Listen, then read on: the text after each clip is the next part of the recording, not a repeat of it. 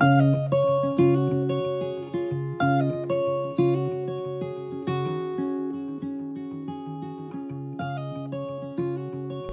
och välkomna till Familjehemspodden. En podd som eh, producerar kunskap eh, i familjehemsfrågor och är till för dig som är intresserad av familjehemsfrågor, arbetar i socialtjänsten, kanske själv är familjehem, har varit familjehemsplacerad eller kanske har du barn som bor i familjehem. Då är det här podden för dig. Den här podden drivs av mig, Birgitta Harberg. Och mig, Monia Sunesson. Och eh, idag har vi, som vi faktiskt har haft det sista nu, en gäst. Och eh, det är ingen mindre än eh, FACO, alltså Familjevårdens centralorganisations ordförande Nina Stenander. Välkommen!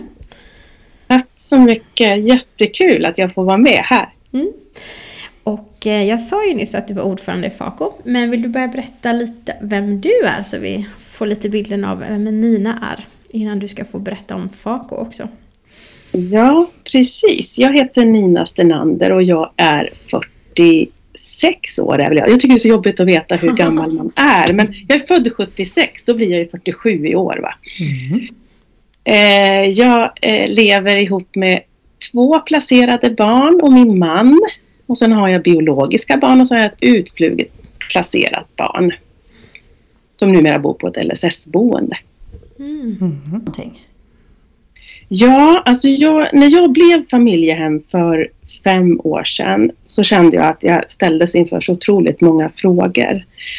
Det var svårt att liksom veta hur jag skulle förhålla mig och vad fick föräldrarna bestämma och, och barnet ville en sak och jag tyckte någonting annat och tänk om föräldrarna tyckte något annat. Ja, men det, var så där, det var så mycket frågor och så mycket funderingar. Så jag startade faktiskt ett nätverk här omkring där jag bor. Och det här nätverket, där var det eh, en av de vännerna där i som berättade om FACO. Och jag började ju se att det fanns liksom lite orättvisor och saker som var lite konstigt. Så tänkte jag, nej, det här måste man ju driva på en högre nivå. Och jag har en del politiska kontakter så, så jag tänkte, nej, det här måste jag nu börja eh, engagera mig i. Eh, så jag hittade FACO, det finns ju två eh, egentligen organisationer, men jag fastnade för FACO. Och eh, när jag såg att de sökte någon till styrelsen så ringde jag till valberedningen och började prata med dem och blev erbjuden en plats i styrelsen. Wow. Så på den vägen är det. Så du hoppade rätt in i det liksom, jobbet på FACO liksom, så att säga ordentligt? Ja, det gjorde jag. Och sen eh, hade vi, ja sen var det en ganska turbulent tid. Det var ju lite covid och sådär och våran för, förra ordförande eh, fick post-covid och avsade sig uppdraget. Och så kom det en tjej som heter Katarina som var vice ordförande in. Men hon sa att jag vill inte fortsätta vara vice ordförande och så hade vi ingen. Eh, eller hon ville inte fortsätta vara ordförande och så fanns det faktiskt ingen som kände att man vill vara en frontfigur. Det är ju lite speciellt att vara ordförande i FACO för det handlar väldigt mycket om att representera och vara ute och synas i media som jag kommer berätta en del om sen. Och det är inte alla som är bekväma med det. Eh, och då sa jag att jaha, då får det väl bli jag då eftersom alla tyckte det. Och på den vägen så blev jag ordförande. Och det har gått jättebra. Jag har fått jättemycket stöd av de andra. För jag är verkligen inte den som är expert på det här med familjehemsfrågor. Jag är expert på att prata med människor och använda mitt nätverk. Det är min styrka imponerande måste jag säga. Jag blir riktigt imponerad. Och det innebär, hur länge har du varit ordförande då i FACO? Nu är jag inne på mitt andra år. Ja. Cool. Jag är ganska ny som ordförande. Ja. Men du, FACO, vad är det för någonting? Ja, för precis, alla som inte vet. Ja, men precis. Jag brukar lite kort säga att vi står vi jobbar egentligen med tre huvudområden. Det ena är att prata med politiker och vara en remissinstans till Socialstyrelsen och till eh, Sveriges kommuner och regioner och, och ja, egentligen alla beslutsfattare som behöver eh, få en samlad bild av familjehemsvården. Det andra benet är att vi är en eh, medlemsorganisation där vi gör aktiviteter för våra medlemmar och vi också eh, utbildar de medlemmar vi har. Och även ibland så gör vi breda utbildningar som vi öppnar upp för, för alla. Och det tredje benet, eh, som kanske är lite grann det svåraste benet att jobba med, det är att vara, en, eh, vara med och bidra till en nyanserad bild av familjehemsvården i Sverige. det handlar ju om att försöka ha kontakten och dialogen med media framför allt. Och att faktiskt kämpa för att av alla 18-19 000 placerade barn så är det ett fåtal som far illa. De allra flesta har det faktiskt väldigt, väldigt bra. Och det är inte riktigt den bilden som, som slår igenom i media, tyvärr. Eh, och där är det svårt. Vi har skrivit flera debattartiklar till SvD, S, SvD heter de, Svenska Dagbladet och mm. Aftonbladet. De där. Men de, ja, de nappar inte riktigt. De här frågorna är inte riktigt högst upp på deras agenda. Mm. Eh, så huvudfokus ligger egentligen just nu på eh, att vårda våra familjehem och utbilda dem, stärka dem på olika sätt. Genom läger och utbildningar. Eh, och sen att prata med politiker. Mm. Läger och utbildningar, då blir jag lite nyfiken. Är det läger både för familjehemmen och för de placerade barnen eller hur ser det ut? Ja, precis. Vi har ett riksläger just nu. Vi ska försöka bredda oss på sikt. Men vi gör ju allt det här också ideellt ska jag säga. Vi är partipolitiskt obundna och vi arbetar helt och hållet ideellt vid sidan av vårt ordinarie arbete. Så att det är ju just det där, hur mycket hinner man med och orkar man med? Men vi har ett riksläger. Det brukar vara utanför Lindesberg och där samlas familjehem vuxna och barn och biologiska barn. Och så umgås man under en helg. En långhelg. Kristi himmelfärd brukar det vara. Aha. Och eh, det tänker jag Moni att det får vi ju nästan gå ut med information om på vår hemsida sen. Absolut. När, ja. när är detta läger? För det låter som att det är återkommande. Ja, det är varje år och det är samma helg och det är, eh, det är väl Kristi himmelfärd. Ska titta i min kalender. Ja, du sa ju det. Inte jag säger fel. Korkat. Du sa Precis. Kristi himmelfärd. Ja, Kristi himmelfärdshelgen ja. där. Mm. Mm. Ja. Det första man blir dum i huvudet som min pappa. Nej. Ja. det är liksom, man, jag tänker att man tänker så mycket samtidigt som man pratar så då tappar man. Men gud så spännande eh, med det här lägret. För jag tänker det är ju någonting som jag i mitt yrkesverksamma liv och även du Monia möter hela tiden. Att man vill träffas. Barnen vill träffas med andra familjehemsplacerade barn. Mm. Mm.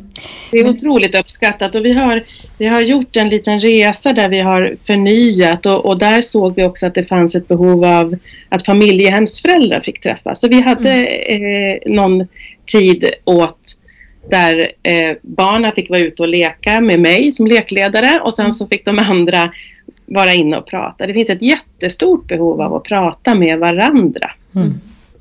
Och sen tänker jag att alla barnen, oavsett om man är placerad eller biologisk, så har man olika typer av behov av att få träffas. Som placerad att träffa andra som är det. Och att vara ett, ett biologiskt barn i ett familjehem är ju också eh, lite annorlunda kanske. Man kanske inte har så jättemånga kompisar som är det. Så jag tänker att det är för alla tre parter så att mm. säga. Absolut. Mm.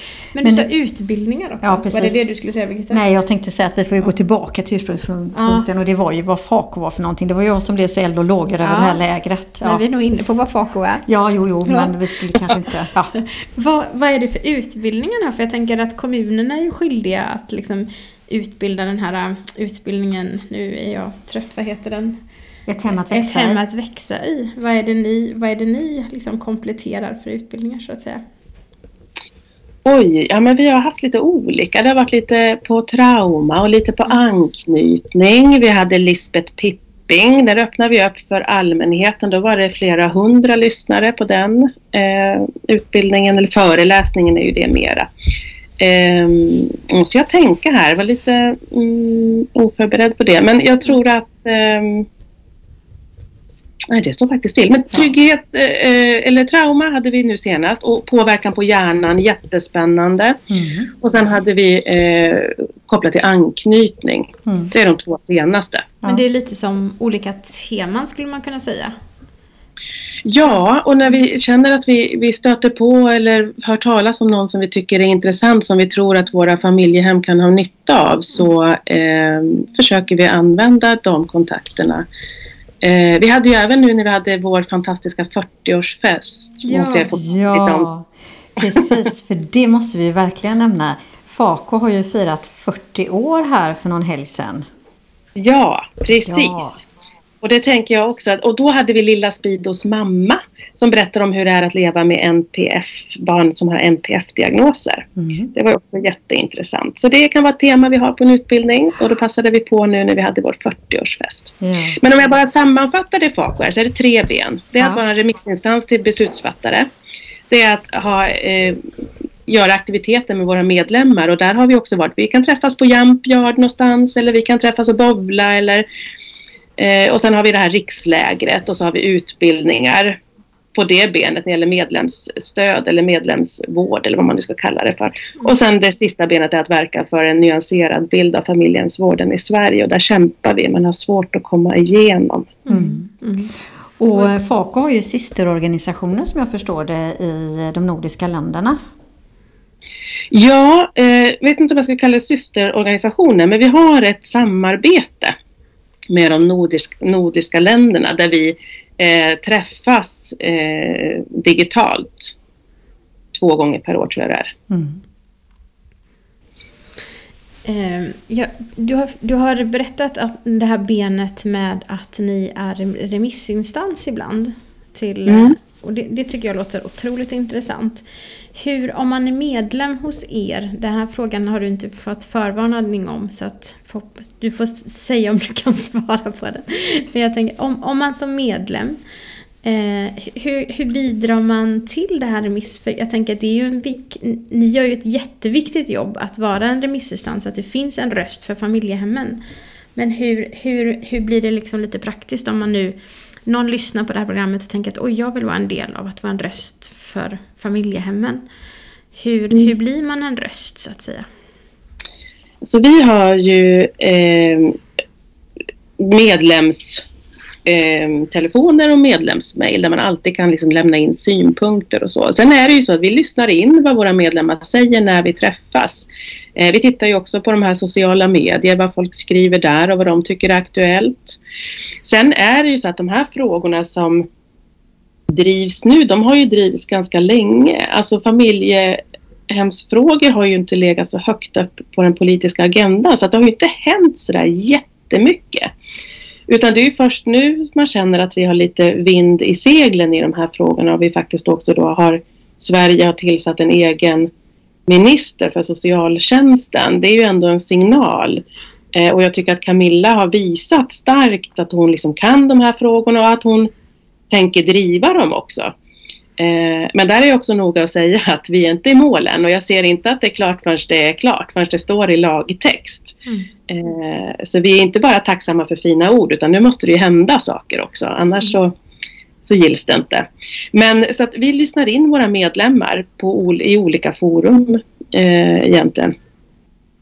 Men vad, eh, vad är, du sa att det är flera frågor just nu. Vad, vad kan du benämna några frågor som, som är uppe på tapeten just nu? Ja, men just nu så är det ju mycket kring det här med vårdnadsöverflytt. Det är väldigt mycket kring umgänget. Vi har ju de här tragiska fallen där barnen, nu var ju inte han familjens placerade, det senaste barnet mm. som gick bort, men han tvingades till umgänge fast alla visste att det var farligt. Mm. Eh, och då sitter ju pappan häktad tror jag det är, eller om han är anhållen vet inte riktigt. Men, han är nog häktad, men, eh, anhållen är man ju bara början, sen blir man häktad. Ja, han är häktad ja. Mm. Eh, så han är ju starkt misstänkt tänker jag då för det brottet. Och det, de där frågorna är ju högt upp på den politiska agendan men det tar ju tid att förändra våra lagtexter och så vidare. Och sen handlar det ju väldigt mycket om eh, anknytning som är ett av mina eh, hjärteämnen. Alltså det här hur länge har barnet bott? När ska barnet flytta hem till sina biologiska föräldrar? Är det verkligen rätt att de gör det? Så de frågorna är ju högt uppe på agendan. Eh, och där var ju vi med. I somras så var det en utredning eh, där vi var inbjudna som, som hette Vikten av trygghet och kontinuitet för barn i utsatta situationer. Det var ett samtal med beslutsfattare och oss. Och nu precis nu så sitter vi och har börjat skriva remissvar på en remiss som också handlar om tryggare hem för barn. Och den rör egentligen här, jag kommer inte ihåg exakt vad den heter faktiskt, men vårdnadsöverflytt, adoption och umgänge. Eh, alltså ska man ändra de reglerna för att få tryggare barn. Mm. Eh, och, det, och vi får ju mycket förfrågningar kring, ja men Socialstyrelsen vill att vi ska ge input på en liten film som de har gjort. Eh, en informationsfilm, där får vi tycka till och tänka till. Eh, sen är ju en del av vårt arbete också lobbyarbete, att träffa politiker, förklara för dem hur det är att vara familjehem och varför vill inte eh, familjehemmen vårdnadsöverflytta till exempel. För på ett sätt skulle det vara jättebra både för familjehemmen och för barnet. Men om man inte har skyddsnätet, det yttre skyddet i form av en socialtjänst, då är det ju svårt och jobbigt och då måste man ju förklara det för våra politiker att ja, ni kanske vill ha vårdnadsöverflyttar, men då måste ni se till att förutsättningarna finns för att familjehemmet ska vilja vårdnadsöverflytta. Och nationella adoptioner har ju varit på tapeten också. Det har vi också eh, tittat lite grann på. Mm. Varit med och tyckt till. Spännande frågor. Mm. Och det är ju det som man eh, nu har jag ju lämnat socialtjänsten i höstas här men minns ju det sista jag var, då var vi ju exakt de här frågorna är ju de som diskuteras på socialkontor. Ja, verkligen. Mm. Och jag vet inte, varenda dag tycker jag att man pratar om eh, när man är i familjehemsvården då liksom mm. det här med att familjehem säger att ja men vi skulle kunna tänka oss en vårdnadsöverflyttning men tyvärr Eh, vi mister stödet eh, och vi klarar inte av det varken ekonomiskt eller liksom att driva saker. För det här, inte alltid, men många gånger är det ju barn med särskilda behov eh, som blir placerade och då behöver man ha mer stöd än kanske man behöver för sina egna biologiska barn. Så det är mm. verkligen angeläget att våra politiker tittar på det och att vi får direktiv eller förordningar om hur vi ska arbeta i den delen. Liksom mm. med, med, andra saker inom familjehemsvården mm. eller den sociala barnavården som ingår. Mm. mm. Och adoption är en fråga som har varit uppe tidigare. Mm. Och då, tror jag 2014, kom det ut ett, ett remissvar förra gången. Mm. Och då landade man i att eh, man inte ville gå till hållet för att inte äventyra solvården. Alltså den frivilliga vården. Mm. Men, men där återigen som vi pratade om innan intervjun, så i Norge har man det på ett mm. lite annat sätt. Precis. Där vet jag att det är lättare att adoptera. Mm. Men... Så är det. Så är det. I Familjenspodden så brukar vi ju alltid ha en fråga kopplad till barnperspektivet. Och då vill vi ju ställa den till dig med Nina. På vilket sätt eh, är barnperspektivet viktigt inom FACO och vilken skillnad kan ni göra för barn? Alltså för oss är ju barnperspektivet det första och viktigaste. Vi vet ju att får vi trygga barn så får vi också trygga vuxna. Eh, och där tänker jag att allt vi arbetar för är ju för barnens bästa. Och vi vet ju att våra familjehem eh, också kämpar för barnens bästa. Så kämpar vi tillsammans så blir det barnens bästa. Mm. Så vi har hela tiden med det perspektivet Eh, och det i sig tänker jag, det blir ju också en viktig samhällsfråga därför att du sparar en massa kostnader på lång sikt. Eh, om du får trygga barn som växer upp. Och där tänker vi också det här barnperspektivet med att barnen inte ska behöva ryckas upp. Vi vet att flytta ifrån en trasig miljö till en bra miljö. Det i sig är ju ändå trauma att bryta upp. Och då tänker jag så här att det är så galet att vi väljer många gånger när jag säger vi så är det inte FAK utan det är samhället. Sverige väljer många gånger att flytta tillbaka det här barnet. När det väl har börjat knyta an till sin nya familj och så efter tre, fyra år så ska det flyttas en gång till och då skapar ju Sverige med de lagarna som det ser ut ytterligare ett trauma i det här barnet. Och det tycker jag är så snedvridet och så fruktansvärt hemskt. Sen finns det ju naturligtvis jättemånga situationer där det här går jättebra och där liksom det blir en väldigt fin återförening i ursprungsfamiljen. Men allt för ofta så ser vi att det inte blir utan det är ett problem att man lyfter bort barnen. Så där tycker jag att vi har ett starkt barnfokus där vi tittar på barnens upplevelse och deras anknytning i den nya familjen. Att det ska ligga på prio ett. Det är en fråga som vi driver ganska hårt just nu. Mm. Spännande. Ja. Eh, tusen tack Nina för att vi har fått träffa dig. Eh, och vi kommer säkert höras mer Ni kommer få se mer om Fako på familjehemspodden.se tror jag. Mm. Och vi vill bara tacka alla våra lyssnare för att ni finns där och stöttar oss på olika sätt. Eh, och tycker du att det här är någonting bra så gilla oss på Facebook, eh, Facebook ja, Instagram och följ oss på vår hemsida. Och på vår hemsida hittar du samtliga eh, intervjuavsnitt som finns eh, sen vi startade Familjehemspodden. Eh, på, på ställen där poddar finns, finns bara de senaste. Mm. Så tack än en gång Nina. Tack så mycket, tack. Mm. Hej då.